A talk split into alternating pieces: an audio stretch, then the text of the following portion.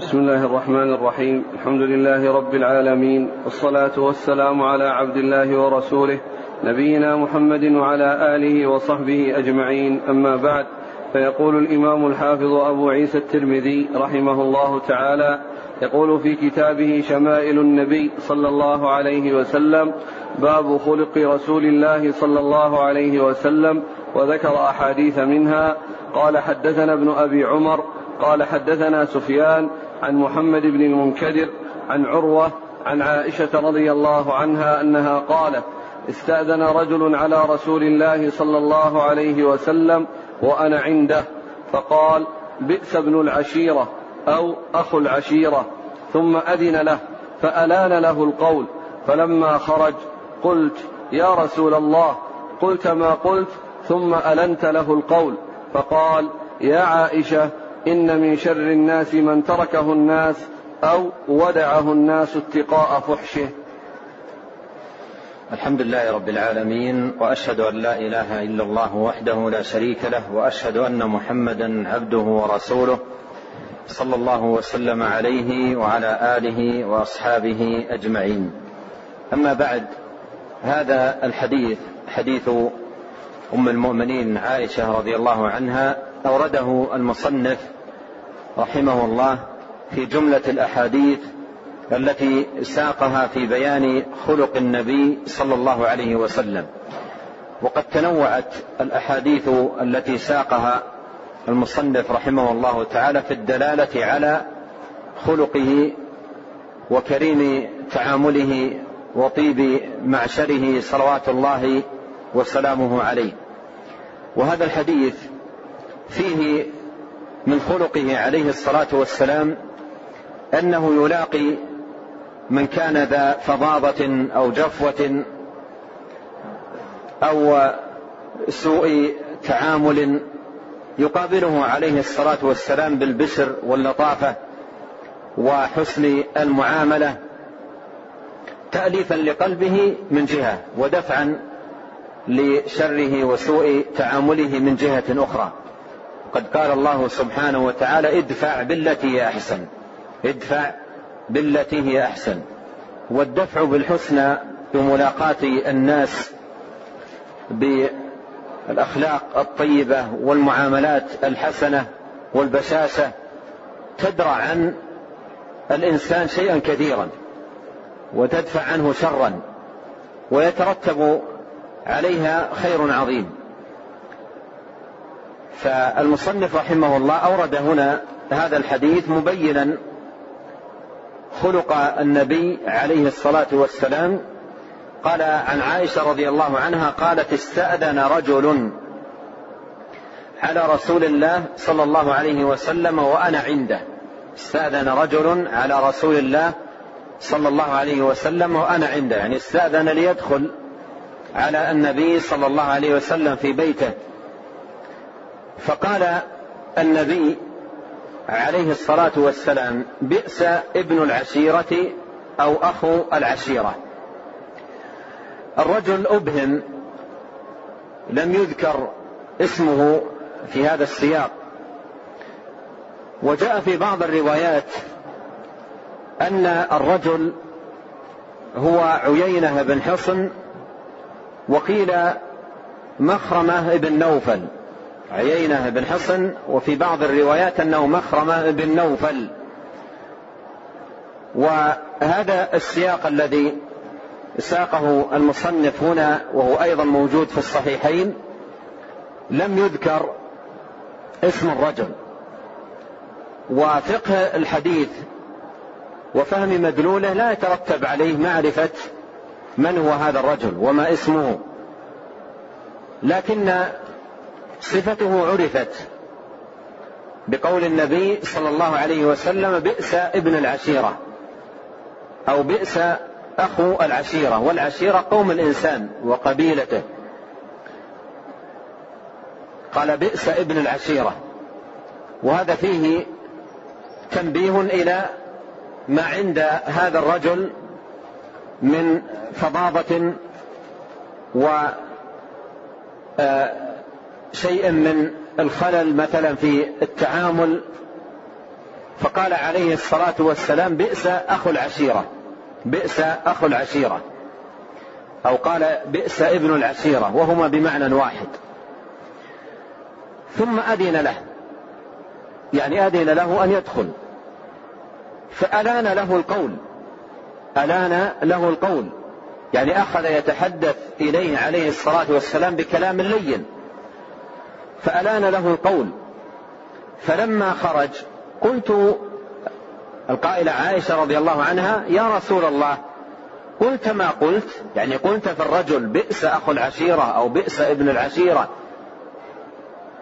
ثم ألنت له القول. ثم ألنت له القول. كأنها تستغرب.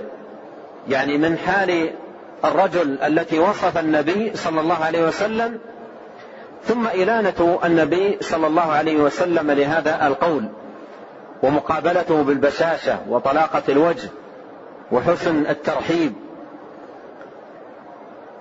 فقالت ثم ألنت له القول. فبين عليه الصلاة والسلام السبب.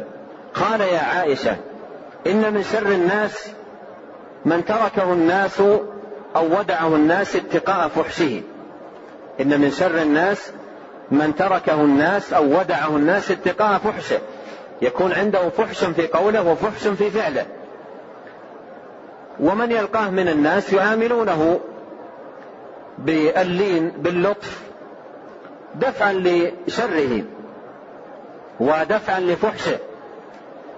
لأنه إذا قوبل بغير اللين يصدر منه أمور عظيمة من حيث القول ومن حيث الفعل. فقال عليه الصلاة والسلام إن من شر الناس من تركه الناس أو ودعه الناس اتقاء فحشه يعني تجنبا لفحشه. وهذا فيه أن الحكمة عند ملاقاه من يعرفون بالسوء بالفظاظة بالغلظة بالجفوة أن يدفع الإنسان شرهم بالحسنى. وبالكلمة الطيبة وباللين وبالرفق ادفع بالتي هي أحسن. الشاهد أن الحديث فيه دلالة على كمال خلق نبينا عليه الصلاة والسلام وأنه كان يلقى الجميع يلقى الجميع بالبشر والبشاشة وطلاقة الوجه حتى مر معنا قريبا قول عمرو بن العاص في الحديث الذي مر وفي اسناده كلام قال كان رسول الله صلى الله عليه وسلم يقبل بوجهه وحديثه على أشر القوم. كان يقبل بوجهه وحديثه على أشر القوم. فما جاء هنا في حديث عائشة فيه شاهد لهذا المعنى المتقدم وهو أن النبي عليه الصلاة والسلام يلقى من يعرف بالسوء بالشر بالفظاظة بالغلظة يقابله بالبشاشة وبطلاقة الوجه وحسن الترحيب. لكن لا يمدحه لا يمدحه ولا يصفه بصفات ثناء لا تنطبق عليه. لكنه يلين له القول يقابله بطلاقة الوجه فهذا هو خير ما ينبغي أن يكون عليه الإنسان في التعامل مع من كانوا على هذه الصفة وأيضا في الحديث الدلالة على مقصود الترجمة وهو بيان الخلق الرفيع الذي كان عليه نبينا صلوات الله وسلامه عليه. نعم. قال حدثنا سفيان بن وكيع قال حدثنا جميع بن عمير بن عبد الرحمن العجلي قال أخبرني رجل من بني تميم من ولد أبي هالة زوج خديجة ويكنى أبا عبد الله. عن ابن لأبي هالة عن الحسن بن علي رضي الله عنهما أنه قال قال الحسن بن علي رضي الله عنهما سألت أبي عن سيرة النبي صلى الله عليه وسلم في جلسائه فقال كان رسول الله صلى الله عليه وسلم دائم البشر سهل الخلق لين الجانب ليس بفظ ولا غليظ ولا صخاب ولا فحاش ولا عياب ولا مشاح. يتغافل عما لا يشتهي ولا ييئس منه راجيه ولا يخيب فيه. قد ترك نفسه من ثلاث المراء والإكثار وما لا يعنيه. وترك الناس من ثلاث كان لا يذم أحدا ولا يعيبه ولا يعيره ولا يطلب عورته ولا يتكلم إلا فيما رجا ثوابه وإذا تكلم اطرق جلساؤه كأنما على رؤوسهم الطير.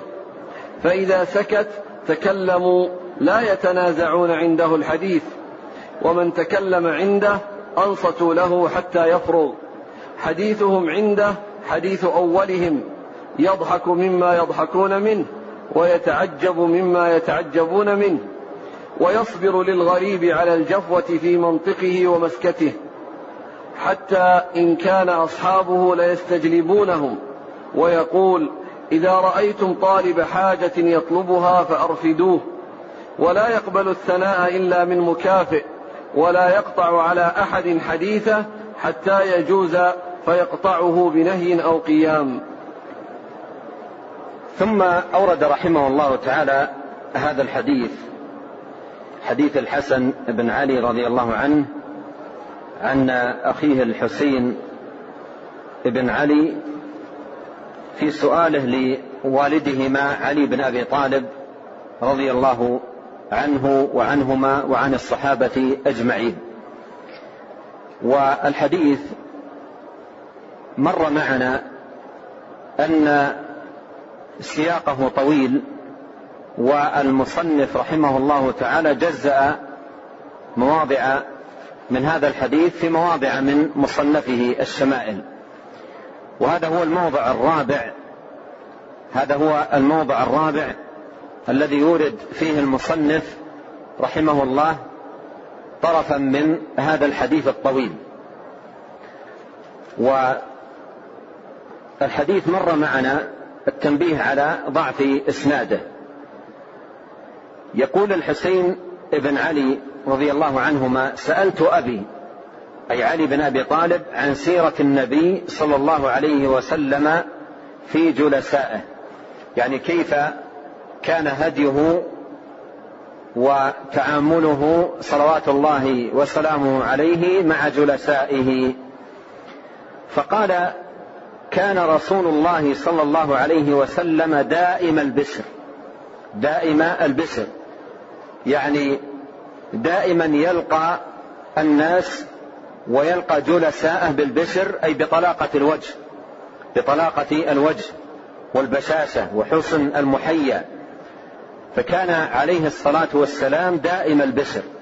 يعني لا يقابل الناس وهو مقطب أو عابس وإنما يقابلهم بالبشر يرى على وجهه الطلاقة وما يؤنس من ينظر إليه ويدخل السرور على قلبه.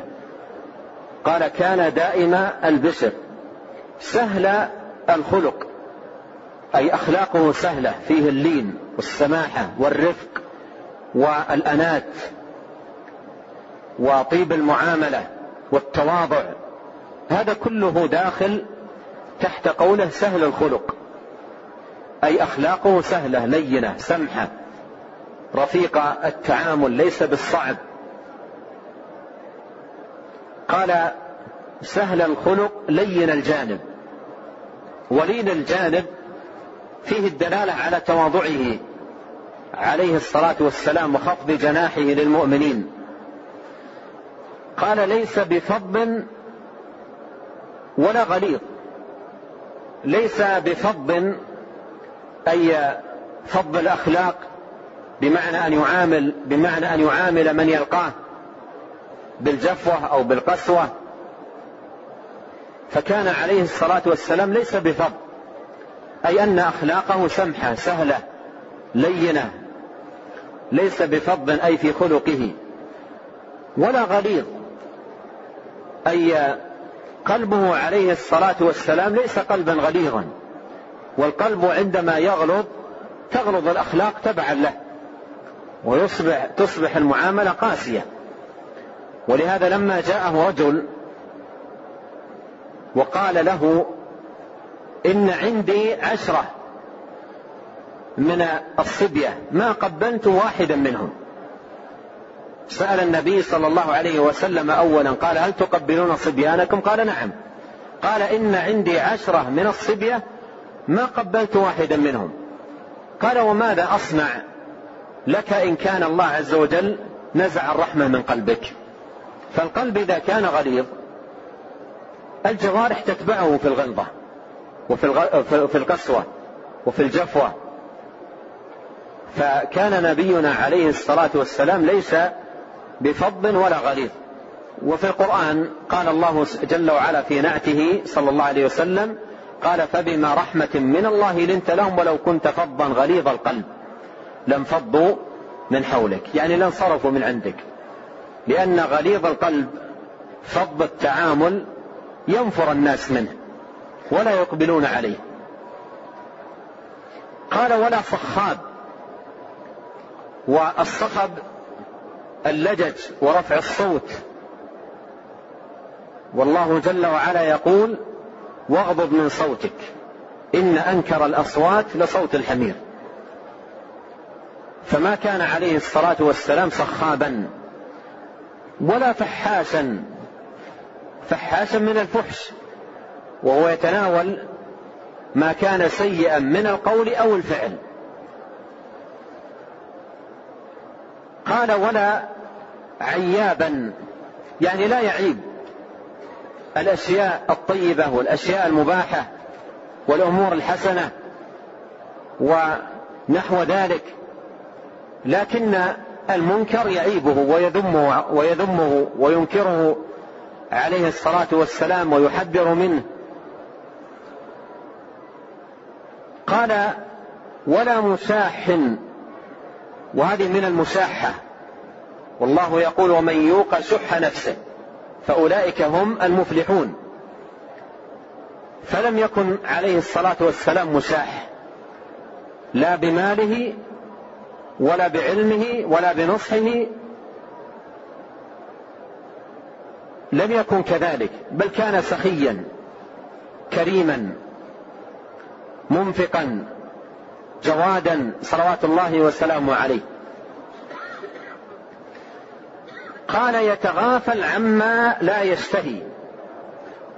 يتغافل وفرق بين الغافل والمتغافل. فرق بين الغافل والمتغافل. فوصفه بقوله يتغافل عما لا يشتهي. يقول الإمام الشافعي رحمه الله اللبيب العاقل هو الفطن المتغافل. اللبيب العاقل هو الفطن المتغافل. يعني فطن للأمور يعرف ما حوله وما يدور حوله فطن لما حوله. لكنه يتغافل ويراعي بتغافله المصلحة وتحقيق الخير. فكان عليه الصلاة والسلام يتغافل عما لا يشتهي ولا ييأس منه راجيه ولا يخيبه فيه. إذا جاءه إنسان يطلب عطاء يطلب مالا يطلب أن يمنحه عليه الصلاة والسلام شيئا لا ييأسه يعني لا يقابله بكلام يجعله ييأس حتى وإن لم يكن عنده عليه الصلاة والسلام لا ييأسه. فإن كان عنده أعطاه وإن لم يكن عنده قال له قولا ميسورا. وإما تعرضن عنهم ابتغاء رحمة من ربك ترجوها فقل لهم قولا ميسورا. فكان عليه الصلاة والسلام إن لم يكن عنده حاجة من سأله قال له عليه الصلاة والسلام القول الميسور لكنه لا ييأسه لا ييأسه آه، ولا ييأس منه راجيه يعني من يرجو منه شيئا عطاء مالا. ولا يخيبه فيه. قد ترك نفسه من ثلاث. ترك نفسه من ثلاث أي منعها. منعها من ثلاث أي من ثلاث خصال. المراء والإكثار وما لا يعنيه. المراء والإكثار وما لا يعنيه. منع نفسه من هذه الأمور الثلاثة. والمراء الجدال المراء الجدال والمنازعات والخصومات. منع نفسه عليه الصلاة والسلام من المراء. ومنع نفسه من الإكثار. من الإكثار أي من المال والدنيا ونحو ذلك. ومنع نفسه مما لا يعنيه أي في دينه ودنياه. وقد صح عنه عليه الصلاة والسلام أنه قال من حسن إسلام المرء تركه ما لا يعنيه. قال وترك الناس من ثلاث وترك الناس من ثلاث أي من ثلاث خصال. لا يذم كان لا يذم أحدا ولا يعيبه ولا يعيره. كان لا يذم أحدا ولا يعيبه ولا يعيره. فهذا من خلقه أنه لا يعير الناس وينهى صلوات الله وسلامه عن ذلك. ولا يطلب عورته لا يطلب عورته بالبحث عنها والسؤال عنها ونحو ذلك. لا يطلب عورته. ولا يتكلم إلا فيما رجا ثوابه. لا يتكلم إلا فيما رجا ثوابه. لا يتكلم بشيء إلا وهو يرجو ثواب ما يتكلم به عند الله سبحانه وتعالى. فهو لا يتكلم إلا بما يقربه إلى الله. ويكسبه ثوابه وأجره سبحانه وتعالى. قال وإذا تكلم أطرق جلساؤه. إذا تكلم معلما مفقها ناصحا واعظا أطرق جلساؤه كأنما على رؤوسهم الطير. ومن المعلوم أن الطير لا تقف إلا على ساكن. لا تقف إلا على ساكن. وهذا فيه التنبيه على تمام سكون هؤلاء وادبهم وهدوئهم وإنصاتهم في مجلس رسول الله صلوات الله وسلامه عليه. قال كأنما على رؤوسهم الطير. وهذا فيه إشارة إلى الهدوء التام وحسن الإنصات والإصغاء لكلامه صلوات الله وسلامه عليه وعدم التشاغل بأي شيء آخر. قال فإذا سكت إذا سكت يعني توقف عليه الصلاة والسلام عن البيان والتعليم تكلموا لا يتنازعون عنده الحديث. لا يتنازعون عنده الحديث يعني لا يحصل عنده خصومة بل يتكلمون ويراعون الأولوية في من يتكلم. وقد رباهم عليه الصلاة والسلام على أن الأكبر يبدأ بالكلام. فكانوا لا يتنازعون عنده. لا يتنازعون عنده بل يا إذا سكت تكلموا لا يتنازعون عنده. ومن تكلم عنده أنصتوا له حتى يفرغ إذا تكلم أحد بدأ بالكلام لا يقاطعونه بل ينصتون له حتى يفرغ من كلامه وذكر حاجته. حديثهم عنده حديث أولهم. حديثهم أي الشيء الذي يتحدثون به عنده حديث أولهم. يحتمل أن المراد حديثهم عنده حديث أولهم يعني الحديث الذي يبدأ به أولهم يمضون في الحديث في هذا الموضوع. الذي بدأ به أول من بدأ. أو يكون حديثهم عند حديث أولهم أي يكون الأحقية في الحديث للأول يعني لمن بدأ بالكلام أولا.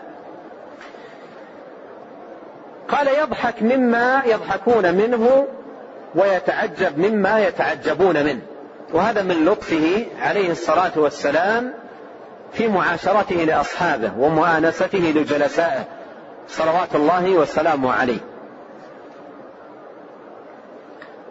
قال ويصبر للغريب على الجفوة في منطقه ومسكته يصبر على الغريب إذا جاء الرجل الغريب أما جلساؤه فقد تربوا في مجلسه على الأخلاق الفاضلة والآداب الرفيعة. لكن إذا جاء الغريب قد يأتي وهو على خلق نشأ عليه. فيه قسوة فيه فظاظة فيه جفوة. لم يعرف الخلق ولم يعرف الأدب. فقد يأتيه بعض الجفاة. فكان عليه الصلاة والسلام يصبر للغريب على الجفوة في منطقه وفي مسكته يعني في كلامه وفي سكوته. وكان بعضهم يقابل بعض الغرباء يقابل النبي صلى الله عليه وسلم بمعاملة فضة وبأسلوب جاف. فكان عليه الصلاة والسلام يتلطف ويترفق بهؤلاء ويلين لهم القول. ويكون هذا فيه كسبا لقلوبهم. وتحبيبا لهم في هذا الدين الذي يدعو إليه صلوات الله وسلامه عليه. حتى إن كان أصحابه ليستجلبونه حتى إن كان أصحابه ليستجلبونه كان أصحاب النبي عليه الصلاة والسلام يحرصون على مجيء الغريب إلى مجلس النبي عليه الصلاة والسلام. لأن الغريب يجرؤ على طرح أسئلة فيستفيد الصحابة رضي الله عنهم وينتفعون.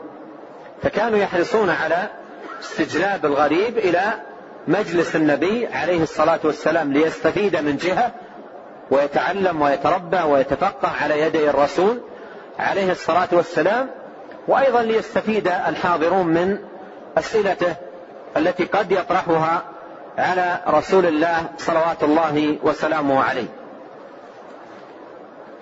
ويقول أي النبي عليه الصلاة والسلام إذا رأيتم طالب حاجة يطلبها فأرفدوه. إذا رأيتم طالب حاجة يطلبها أي يطلب حاجة يبحث عنها يسأل عنها فأرفدوه أي أعينوه. أعينوه على قضاء حاجته. سواء بتقديمها له مباشرة أو بالدلالة والشفاعة عند من يعينه على قضاء حاجته. قال فأرفدوه. ولا يقبل الثناء إلا من مكافئ. ولا يقبل الثناء إلا من مكافئ. من مكافئ كما جاء في الحديث عن النبي صلى الله عليه وسلم من صنع إليكم معروفا فكافئوه فإن لم تجدوا ما تكافئونه فادعوا له. قال ولا يقبل الثناء إلا من مكافئ ولا يقطع على أحد حديثا حتى يجوز فيقطعه بنهي أو قيام. حتى يجوز فيقطعه بنهي أو قيام. كان عليه الصلاة والسلام لا يقطع على أحد حديثا إذا تحدث أحد عنده لا يقطع عليه الصلاة والسلام حديثا إلا إذا جاوز الحد. إلا إذا جاوز الحد. فإذا جاوز في حديث الحد قطعه بنهي يعني ينهاه عن آه، المخالفة أو يقوم عليه الصلاة والسلام. أو يقوم. قال حتى يجوزه فيقطعه بنهي أو قيام. نعم. قال حدثنا محمد بن بشار قال حدثنا عبد الرحمن بن مهدي قال حدثنا سفيان عن محمد بن المنكدر قال سمعت جابر بن عبد الله رضي الله عنهما يقول ما سئل رسول الله صلى الله عليه وسلم شيئا قط فقال لا. ثم أورد رحمه الله تعالى هذا الحديث عن جابر بن عبد الله رضي الله عنهما قال ما سئل رسول الله صلى الله عليه وسلم عن شيء قط؟ فقال لا. فقال لا. والمراد بقال لا أي قالها منعا للعطاء. يعني لا لا أعطيك. لا أي لا أعطيك حاجتك أو لا أعطيك ما سألت. لكن قد يقول عليه الصلاة والسلام لا إخبارا عن عدم وجود ما سأله السائل أو طلبه الطالب كما في قوله تعالى لا أجد ما أحملكم عليه. هنا قال لا. لكن لم يقلها منعا عليه الصلاة والسلام من العطاء وإنما قالها عليه الصلاة والسلام في مقام الإخبار عن عدم وجود الحاجة التي سألها السائل عنده صلوات الله وسلامه عليه. هذا معنى قول جابر رضي الله عنه أن النبي صلى الله عليه وسلم ما سئل شيئا قط فقال لا نعم. قال حدثنا عبد الله بن عمران أبو القاسم القرشي المكي. قال حدثنا إبراهيم بن سعد عن ابن شهاب عن عبيد الله عن ابن عباس رضي الله عنهما أنه قال كان النبي صلى الله عليه وسلم أجود الناس بالخير. وكان أجود ما يكون في شهر رمضان. حتى ينسلخ فيأتيه جبريل عليه السلام فيعرض عليه القرآن. فإذا لقيه جبريل كان النبي صلى الله عليه وسلم أجود بالخير من الريح المرسلة. ثم ساق المصنف رحمه الله تعالى هذا الحديث حديث ابن عباس رضي الله عنهما. في بيان خلق النبي عليه الصلاة والسلام من جهة سخائه وكرمه وبذله وإنفاقه صلوات الله وسلامه عليه. قال رضي الله عنه كان النبي صلى الله عليه وسلم أجود الناس بالخير أجود الناس بالخير أي أعظم الناس كرما وسخاء وبذلا وانفاقا. كان عليه الصلاة والسلام يعطي عطاء الملوك وكل ما جاءه أنفقه عليه الصلاة والسلام. وكان عليه الصلاة والسلام يبيت ليالي طاويا صلوات الله وسلامه عليه. وربما ربط على بطنه الحجر من الجوع كما سيأتي وكما مر. فكان عليه الصلاة والسلام يعطي عطاء الملوك وينفق. آه، نفقة من لا يخشى الفقر صلوات الله وسلامه عليه. وكان يأتيه المال الكثير فلا يبيت ليلة إلا فرقه كله إلا فرقه كله لا يبقي عنده منه شيء صلوات الله وسلامه عليه. فكان أجود الناس. وما من باب من أبواب البر والخير والفضل والعبادة إلا ونبينا صلى الله عليه وسلم فيها أكمل الناس. فهو عليه الصلاة والسلام أكمل الناس في كل خلق جميل وفي كل عبادة. فهو أعبد الناس لله وأحسن الناس خلقا وأكملهم أدبا وأعظمهم خشية وتقوى لله تبارك وتعالى. قال كان أجود الناس وكان أشجع الناس وكان أخشى الناس لله وأتقاهم لله سبحانه وتعالى وكان أعبد الناس لله. وفي كل باب من أبواب الخير والبر كان عليه الصلاة والسلام فيه أعلى الناس مقاما وأرفعهم صلوات الله وسلامه عليه شأنا. قال كان النبي صلى الله عليه وسلم أجود الناس بالخير وكان أجود ما يكون في شهر رمضان. وهذا فيه أن لرمضان خصوصية في البذل والعطاء والإنفاق. كما قال بعض السلف إذا دخل رمضان فإنما هو إطعام الطعام وقراءة القرآن. فرمضان له خصوصية بالعطاء والبذل والإنفاق في سبيل الله وصرف المال في وجوه الخير ومساعدة ذوي الحاجات. قال وكان أجود ما يكون في شهر رمضان حتى ينسلخ حتى تأتي للغاية. والغاية هنا ليست للجود وإنما للأجودية. كما قال وكان أجودا أجود ما يكون في شهر رمضان. فهو على مدار العام جوادا. على مدار العام جواد كريم صلوات الله وسلامه عليه على مدار الأيام.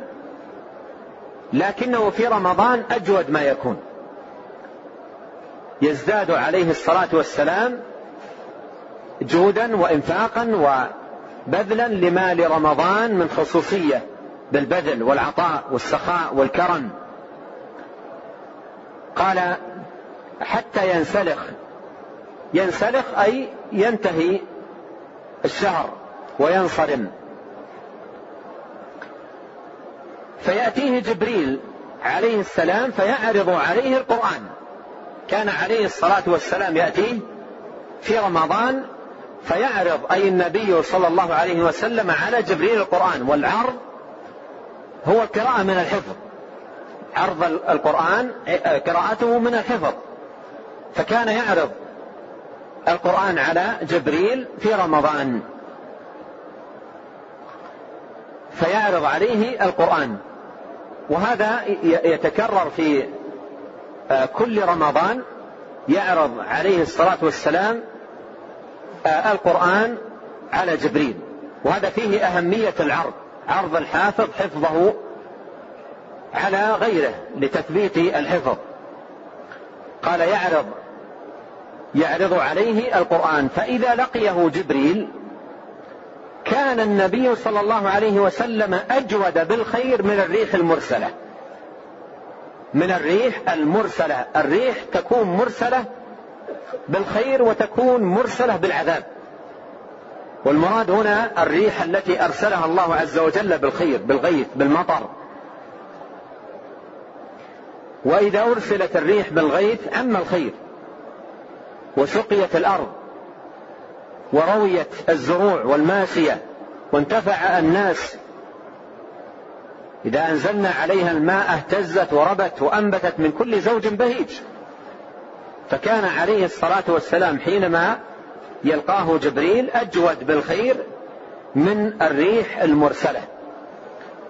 وفي هذا فائدتان أن ملاقاة الإنسان أهل الخير والفضل وعنايته بالقرآن فيه نفع عظيم في زيادة الإنسان من الخير بأبوابه. نعم. قال حدثنا قتيبة بن سعيد قال أخبرنا جعفر بن سليمان عن ثابت عن أنس رضي الله عنه أنه قال كان النبي صلى الله عليه وسلم لا يدخر شيئا لغد. ثم أورد رحمه الله تعالى هذا الحديث. قال كان النبي صلى الله عليه وسلم لا يدخر شيئا لغد. لا يدخر شيئا لغد يعني لا يدخر لنفسه عليه الصلاة والسلام. أما فيما يتعلق قوت أهله وولده فجاء عنه عليه الصلاة والسلام ما يدل على أنه يدخر. صلى الله عليه وسلم. نعم. قال حدثنا هارون بن موسى بن أبي علقمة المديني. قال أخبرني أبي عن هشام بن سعد عن زيد بن أسلم عن أبيه عن عمر بن الخطاب رضي الله عنه أن رجلا جاء إلى النبي صلى الله عليه وسلم فسأله أن يعطيه. فقال النبي صلى الله عليه وسلم ما عندي شيء ولكن ابتع علي فإذا جاءني شيء قضيته.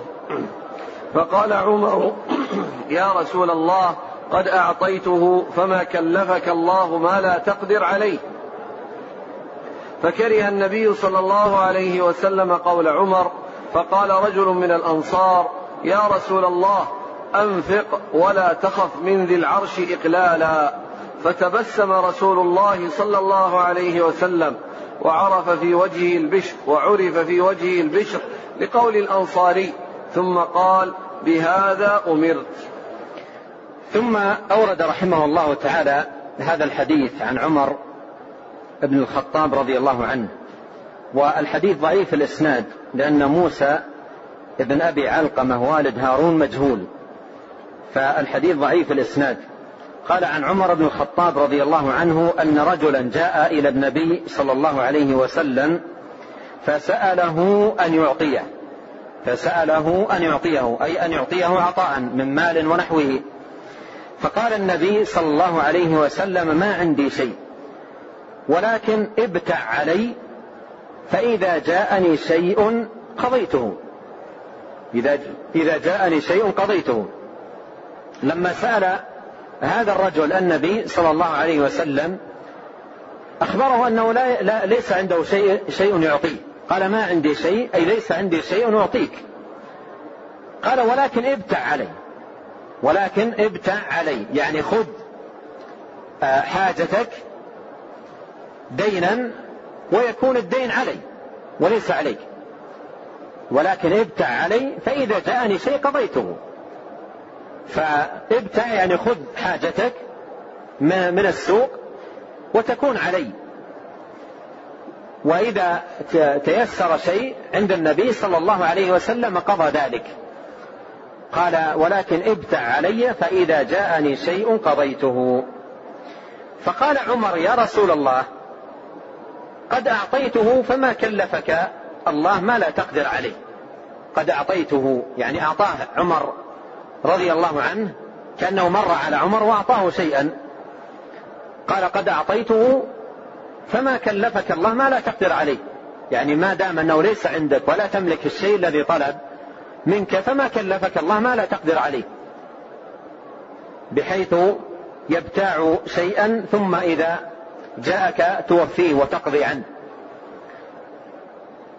فكره النبي صلى الله عليه وسلم قول عمر فكره النبي صلى الله عليه وسلم قول عمر فقال رجل من الأنصار يا رسول الله أنفق ولا تخف من ذي العرش إقلالا.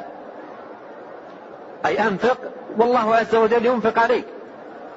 لا تخف من ذي العرش إقلالا لأن الله عز وجل واسع العطاء جزيل المن بيده الفضل سبحانه وتعالى عطاؤه كلام. إنما أمره إذا أراد شيئا أن يقول له كن فيكون. وخزائنه سبحانه وتعالى ملأى لا يغيضها نفقة. سحاء الليل والنهار. فقال ولا تخشى ولا تخف من ذي العرش أي من, من ذي العرش يا الله. سبحانه وذي بمعنى صاحب ذي العرش. أي صاحب العرش. والعرش هو أكبر المخلوقات. وسقفها وأعلاها. ومخلوق. من مخلوقات الله سبحانه وتعالى وصفه الله في القرآن بالعظيم والكريم والمجيد لسعته وعظمه وكبره وأكبر المخلوقات. والله سبحانه وتعالى استوى على هذا العرش استواء يليق بجلاله كما أخبر في مواضع من القرآن ثم استوى على العرش أي ارتفع وعلى عليه ارتفاعا يليق بجلاله وكماله. ومن لم يعتقد أن رب العالمين مستو على عرشه استواء يليق بجلاله وكماله فليس أمامه وراء ذلك إلا عقيدتين من أفسد العقائد وأبطلهما. الأولى أن يعتقد والعياذ بالله أن الله في كل مكان. تعالى الله عما يقول الظالمون علوا كبيرا. وهذه عقيدة من أفسد العقائد وأبطلها. وهي مصادمة للقرآن والسنة والفطرة والإجماع والعقل. والعقيدة الثانية أن يعتقد والعياذ بالله أن الله لا فوق ولا تحت ولا عن يمين العالم ولا عن شماله ولا داخله ولا خارجه وهذا وصف لله بالعدم. وعلى كل من هاتين العقيدتين فئام من المبطلة. وحمى الله سبحانه وتعالى أهل الحق والبصيرة. بالله وبكتابه وبسنة نبيه صلى الله عليه وسلم من هذا الباطل فآمنوا بما جاء في كتاب ربهم وسنة نبيهم صلوات الله وسلامه عليه واعتقدوا أن الله عز وجل مستو على عرشه المجيد علي على خلقه فوق عباده سبحانه وتعالى مستو على عرشه استواء يليق بجلاله وكماله وعظمته سبحانه وتعالى. قال فتبسم رسول الله صلى الله عليه وسلم. فتبسم رسول الله. وعرف في وجهه البسر. أي ظهر على وجهه البسر وهو الفرح والأنس والسرور. بقول هذا الصحابي. ثم قال بهذا أمرت. بهذا أمرت يعني بهذا أمرت أن أنفق ولا أخشى من ذي العرش إقلالا. وهذا المعنى يدل عليه قوله عليه الصلاة والسلام ما نقصت صدقة من مال. وما أنفقتم من شيء فهو يخلفه. الله عز وجل يخلف على من ينفق. ويغنيه سبحانه وتعالى من فضله ويوسع عليه جل وعلا من منه. فالنفقة والصدقة تزيد المال ولا تنقصه. قال بهذا أمرت يعني بهذا أمرني الله جل وعلا أن أنفق وألا أخشى وألا أخاف من ذي العرش إقلالا. والحديث كما عرفنا إسناده ضعيف لجهالة موسى بن أبي علقمة المديني. نعم. قال حدثنا علي بن حجر قال أخبرنا شريك عن عبد الله بن محمد بن عقيل عن الربيع بنت معوذ بن عفراء رضي الله عنهما أنها قالت أتيت النبي صلى الله عليه وسلم بقناع من رطب وأجر زغب فأعطاني ملء كفه حليا أو ذهبا. بقناع من رطب وأجر. وأجر زغب.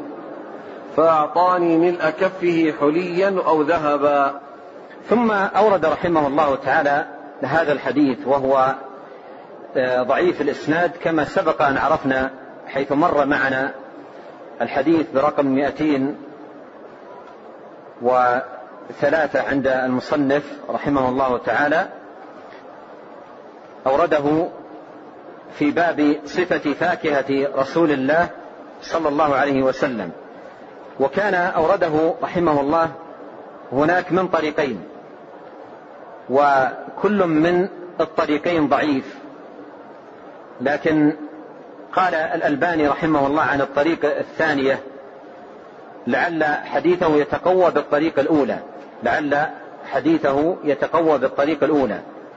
ومر هناك الكلام على معنى الحديث والكلام على إسناده. نعم. قال حدثنا علي بن خشرم وغير واحد قالوا أخبرنا عيسى بن يونس عن هشام بن عروة عن أبيه عن عائشة رضي الله عنها أن النبي صلى الله عليه وسلم كان يقبل الهدية ويثيب عليها. ثم ختم رحمه الله تعالى هذه الترجمة بهذا الحديث عن أم المؤمنين عائشة رضي الله عنها أن النبي صلى الله عليه وسلم كان يقبل الهدية ويثيب عليها. كان يقبل الهدية أي من المهدي فلا يرد الهدية لكنه كان يثيب عليها يعني يكافئ على الهدية بمثلها أو بأحسن منها. صلوات الله وسلامه عليه. لكنه كان لا يرد الهدية. صلوات الله وسلامه عليه. ومن كان على عمل في في وظيفة فإن المشروع في حقه ألا يقبل الهدية. المشروع في حقه ألا يقبل الهدية. ما دام يهدى إليه وهو في عمل في في منصب في وظيفة في مسؤولية. ولهذا جاء في الحديث قال عليه الصلاة والسلام هدايا العمال غلول. هدايا العمال غلول. لأن مثل هذه الهدايا التي تهدى لهم تكون ذريعة آه، آه، تقديمهم على غيرهم. و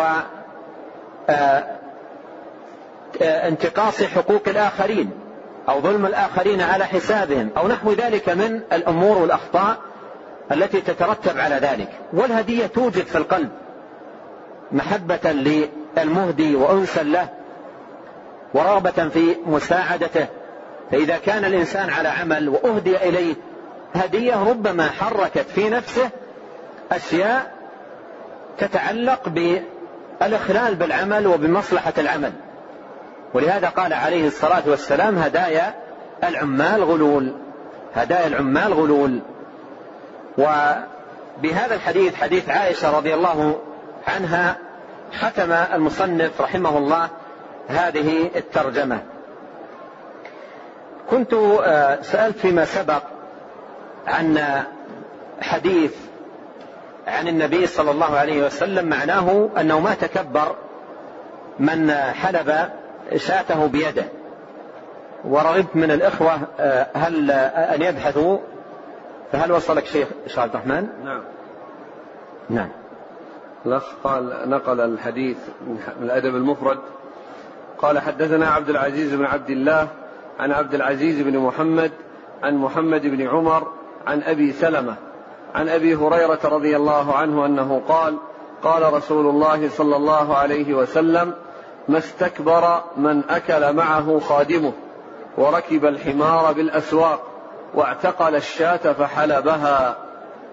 حديث حسن في السلسلة الصحيحة 2218 وفي الأدب المفرد 550 آه، بالأمس مر معنا نقل مفيد جدا عن ابن أبي زيد القيرواني ذكر فيه رحمه الله تعالى أن أحاديث الآداب ترجع إلى أربعة أحاديث وتتفرع عن أربعة أحاديث فمن يحفظ هذه الأحاديث الأربعة؟ مر معنا بالأمس أربعة أحاديث جمعت الآداب أو ترجع إليها جميع أحاديث الآداب. فمن يحفظ هذه الأحاديث الأربعة؟ تفضل. وأنت في مكانك ارفع الصوت. الحديث الأول من كان يؤمن بالله واليوم الآخر فليقل خيرا أو ليصمت.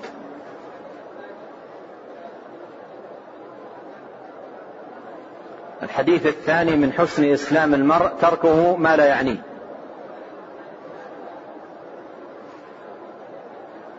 الحديث الثالث لا يؤمن أحدكم حتى يحب لأخيه ما يحب لنفسه. أنت سريع الغضب؟ تقول نعم يعني أنت سريع الغضب؟ الحديث الرابع لا تغضب. أعد الأحاديث الأربعة.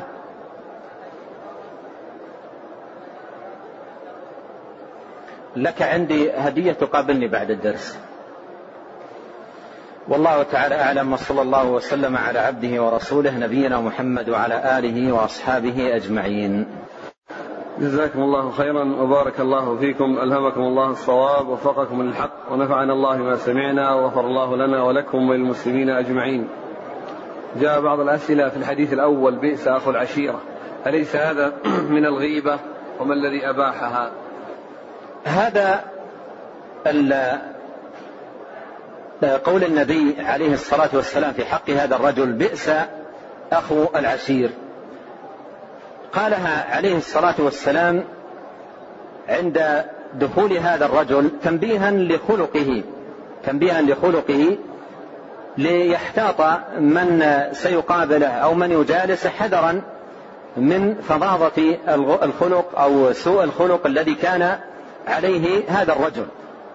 والغيبة الغيبة آه، إذا كانت على وجه التحذير من رجل مثلا لبدعته أو لسوء تعامله حتى يحترز الإنسان منه فتكون لمصلحة فلا تذم. ومن أهل العلم من قال أن قول النبي صلى الله عليه وسلم عن بئس أخو العشير أنه لم يسلم وقتئذ يعني لما قال النبي صلى الله عليه وسلم في حقه ذلك لم يسلم والكافر لا غيبة له. فبعض أهل العلم قالوا هذا وبعضهم قالوا أيضا غير هذا المعنى. نعم. يقول لو ذكرت لنا صفة صلاة الجنازة وما يقال فيها من أذكار وكيف ندعو للأطفال إذا كانوا مع غيرهم؟ هل نخصهم بالدعاء أم مع الجمع؟ التكبيرة الأولى في الصلاة على الجنازة تقرأ فيها الفاتحة فاتحة الكتاب. ولا, ولا, يستفتح لا يؤتى بدعاء الاستفتاح وإنما يكبر ويتعوذ بالله من الشيطان الرجيم ويبسمل ويقرأ الفاتحة ويقرأ الفاتحة. ثم التكبيرة الثانية بعدها الصلاة والسلام على رسول الله صلى الله عليه وسلم. اللهم صل على محمد وعلى آل محمد كما صليت على إبراهيم وعلى آل إبراهيم إنك حميد مجيد وبارك على محمد وعلى آل محمد كما باركت على إبراهيم وعلى آل إبراهيم إنك حميد مجيد. والتكبيرة آه، الثالثة يكون بعدها الدعاء للميت. قد جاء عن النبي صلى الله عليه وسلم أنواع من الأدعية تقال في الدعاء للميت.